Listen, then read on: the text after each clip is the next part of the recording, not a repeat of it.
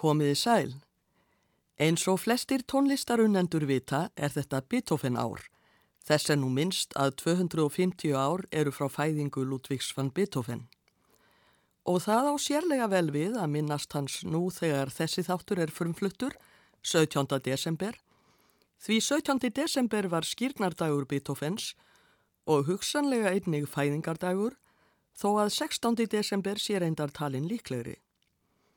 Árið 1770 var venja að skýra börn áður en sólarringur var liðin frá fæðingu þeirra. Þar sem Beethoven fættist aðeins rúmri viku fyrir jól, ætti að vera tilvalið að gera jólaþáttumann, þátt sem gæti heitið Beethoven í jólaskapi. En þá rekumst við á óþægilega hindrun. Beethoven samti engin jólatónverk. Þessi hindrun er þó ekki óyfirstíganleg þegar betur er að gáð. Hægt er að finna tónverk eftir Beethoven sem tengjast jólum óbeint, svo sem tónverk sem voru frumflutt á jólum og útsetningar og tilbríði við lög sem urðu síðar jólalög, þótt þau væru það kannski ekki á þeim tíma þegar Beethoven útsetti þau. Það er ekki nóg með að Beethoven hafi sínt jólunum lítinn áhuga þegar komað tónsmíðum, Ekki er heldur hægt að finna miklar heimildir um jólahald hans. Hann var alin upp í katholskri trú og hefur vafalust haldið jól, en frásagnir um Beethoven á jólum eru af skornum skamti. Þó eru ein jól talin mikilvæg í æfi hans. Það eru jólin 1790 þegar Beethoven var tvítugur að aldri og átti enn heima í fæðingarborg sinni Bonn. Hann var þá þegar farin að vekja aðtikli sem hæfileikaríkur tónlistarmadur og var undir verndarvæng Maximilians Frans kjörfursta. Svo vildi til að um jólinn 1790 var tónskáldið Jósef Haydn statt í Bonn, en Haydn var þá farin að nálgast sextugt og naut mikillar virðingar. Maximilian Frans kjörfursti helt veistlu Haydn til heiðurs á annan í jólum og bauð öllum helstu tónlistarmönnum í bonn. Þótt að sé ekki vitað með vissu er talið mjög líklegt að Beethoven hafi verið þar og þeir hættin hýst þarna í fyrsta skipti. Tveimur árum síðar fór Beethoven til Vínar og gerðist nefandi hættins. Fyrsta verkið sem hér verður flutt er samið árið 1796 en Beethoven var þá 26 ára gammal. Þetta eru tilbríði við stefið See the Conquering Hero Comes úr oratóriunni Jútas Maccabeus eftir Georg Friedrich Händel. Með góðum vilja er hægt að tengja þetta tónverk jólum því 30 árum setna, 1826, orti Friedrich Heinrich Ranke aðvendusalm við lagið Tókter Síón Fröjedich eða Gleð þig dóttir Síón. Sálmurinn hefur mikið verið sunginn á aðvendu í þýskumalandi löndum. Við hlýðum nú á tilbreyði eftir Ludvík van Beethoven við stefið the Conquering Hero Comes eftir Hendel. Þetta er verk fyrir cello og piano og það er Jacqueline Dupré sem leikur á cello en Daniel Barenboim á piano.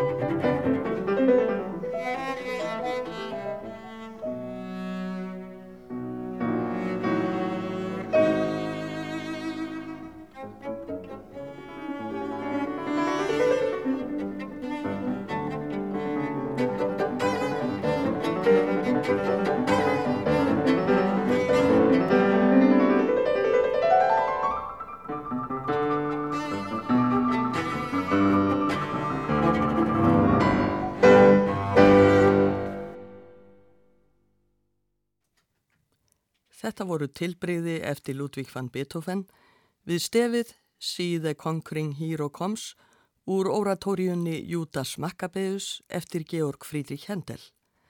Jacqueline Dupré lék á cello og Daniel Barenboim á piano. 22. desember 1808, þremur dögum fyrir jól, voru haldnir sérstakir Beethoven tónleikar til styrtar tónskáldinu í Vínarleikhúsinu, Theater an der Wien. Þetta voru engir smáræðistónleikar, þeir stóðu í um það byrj fjórar klukkustundir með hliði að vísu. Það segir sig sjálft að mörg verk voru leikinn, meðal annars voru 5. og 7. symfónia Beethovens frumfluttar opinberlega á þessum tónleikum. En tónleikarnir gengu ekki sem best. Flutningurinn var ekki eins góður og skildi, auk þess var kallt í leikhúsinu og fóru sumir að ókýrast yfir lengt tónleikanna. Tónskáldið Jóhann Frídrich Rækjart var einn tónleikagjasta og á jóladag skrifaði hann í brefi. Þarna sátum við í ískulda frá klukkan hálf sjö til hálf ellefu og fengum það staðfest að hægt er að fá of mikið af svo góðu. Meðal þeirra verka sem flutt voru á tónleikunum voru tveir þættir, Gloria og Sanctus, úr messu í sétur sem Beethoven hafði samið árið áður. Ekki er hægt að neyta því að Gloria-kablin tengist jólum því upphaftekstans Gloria in excelsis Deo, dýrð sé guði í upphæðum, er sótt í jólagvöðspjallið, þetta er það sem englarnir sungu þegar þeir byrtust fjárhyrðunum á jólanótt. Þetta er fastur teksti fyrir Gloria-kabla í messu og var ekki aðeins notaður af Beethoven, heldur líka öllum öðrum tónskáldum sem sömdu hefbundnar messur á annað borð. Messan í sétur hefur fallið í skugga af annari messu Beethovens, Missa Solemnis, en margt í séturmessunni er mjög fallegt, ekki síst Glóriakablin. Hér verður nú fluttur Glóriakablin úr messu í sétur eftir Ludvík van Beethoven. Kóridón söngvararnir syngja og Kóridón hljómsveitin leikur en Matthew Best stjórnar.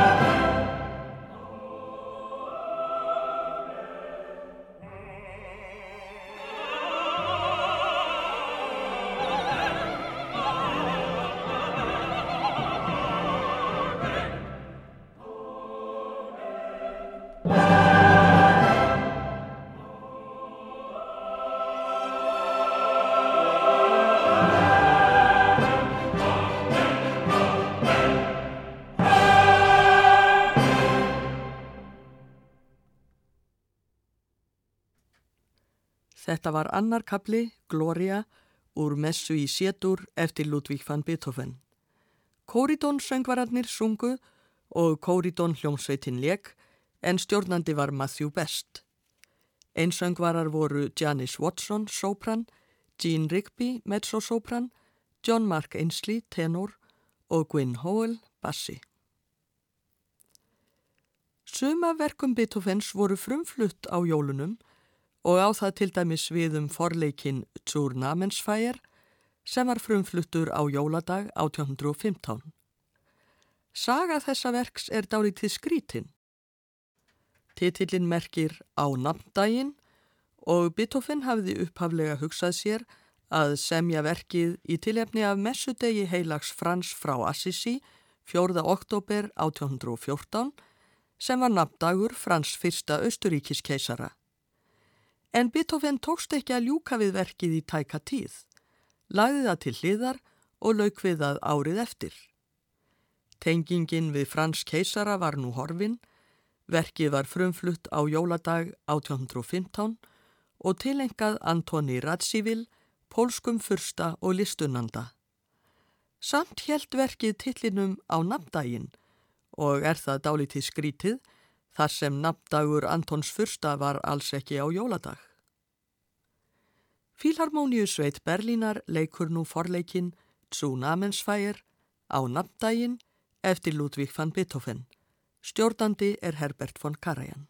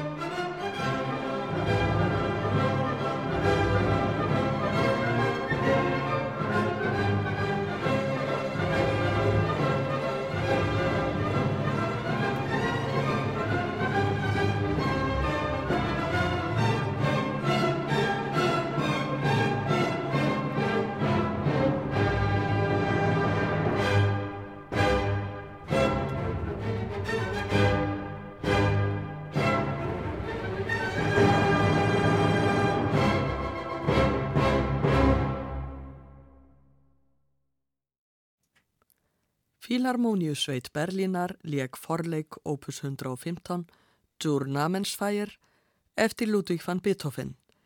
Herbert von Karajan stjórnaði.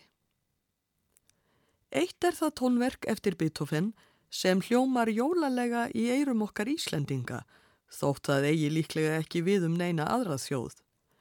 Þetta eru tilbriði fyrir flautu og piano um þjóðlag frá Littlarúslandi eins og það er orðað en það heiti var á þessum tíma notað um Úkrænu.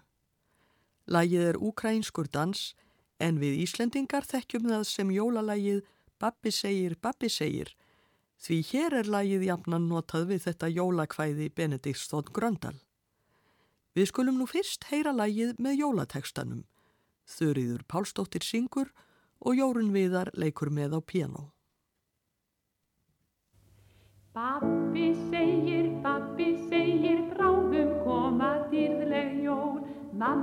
Seigneur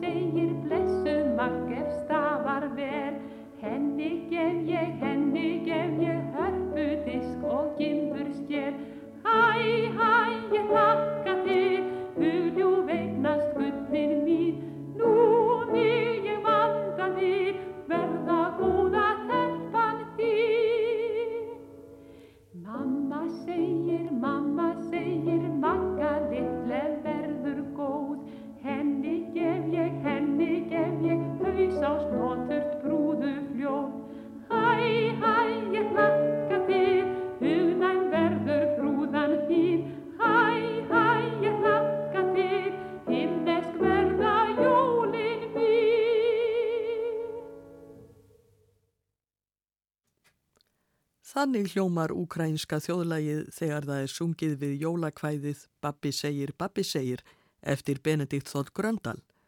Þurriður Pálsdóttir söng en Jórun Viðar útsetti lægið og leik á piano. Þá skulum við heyra tónverk Beethovens til breyðin sem hann samdi við þetta sama lag á árunum 1818 til 1820. Patrick Galois leikur á flautu og Cécile Licard á piano.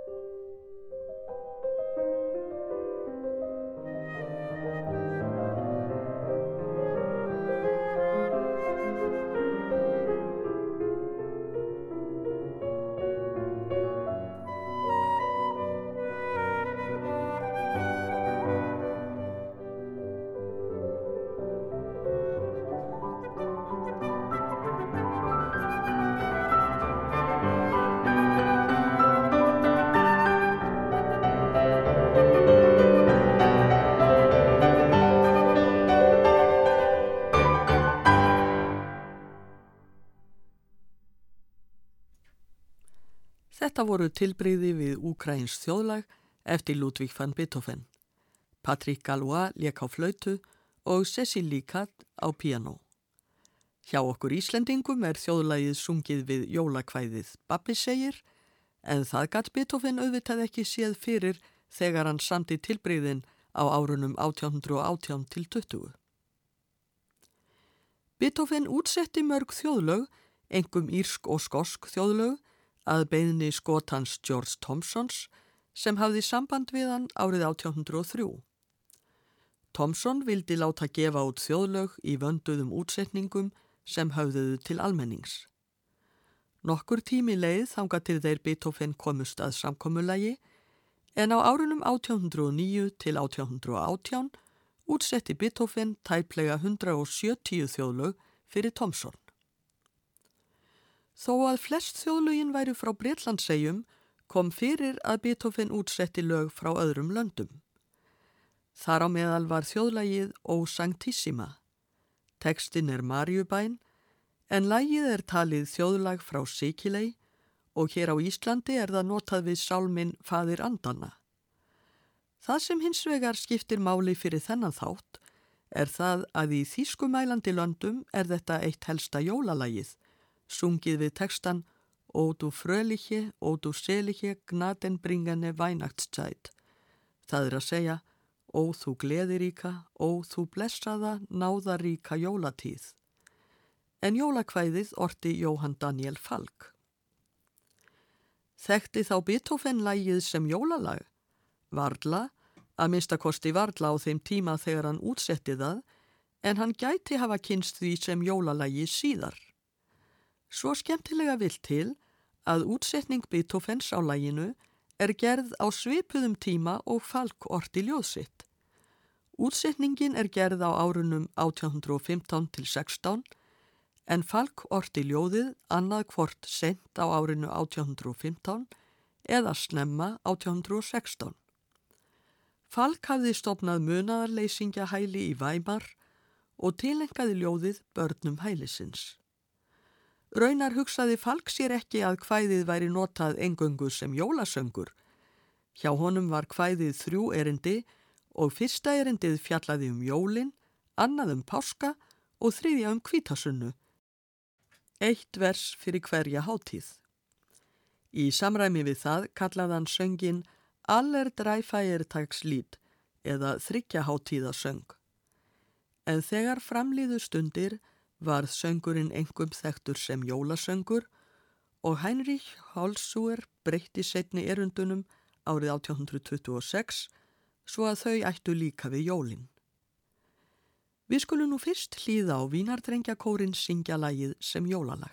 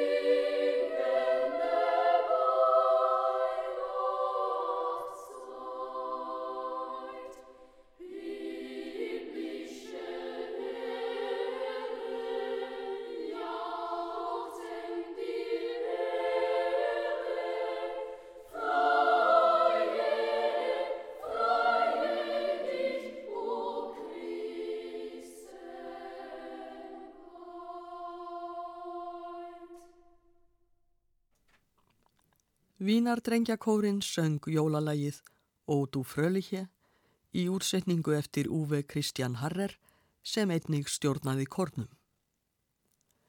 Þá verður flutt útsetning Beethovens á þessu sama lægi. Hér er notaður upprunalegur teksti, Marjubænin Ó Sanctissima eða Ó Þú hinn helgasta. Janis Watson, Ruby Philogene og Thomas Allen syngja þetta þjóðlag frá Sikilei í útsetningu eftir Ludwig van Beethoven. Malcolm Martineau leikur á piano og Ursula Smith á cello. Með læginu og Sanctissima líkur þessum þætti um Beethoven í jólaskapi. Verðið sæl.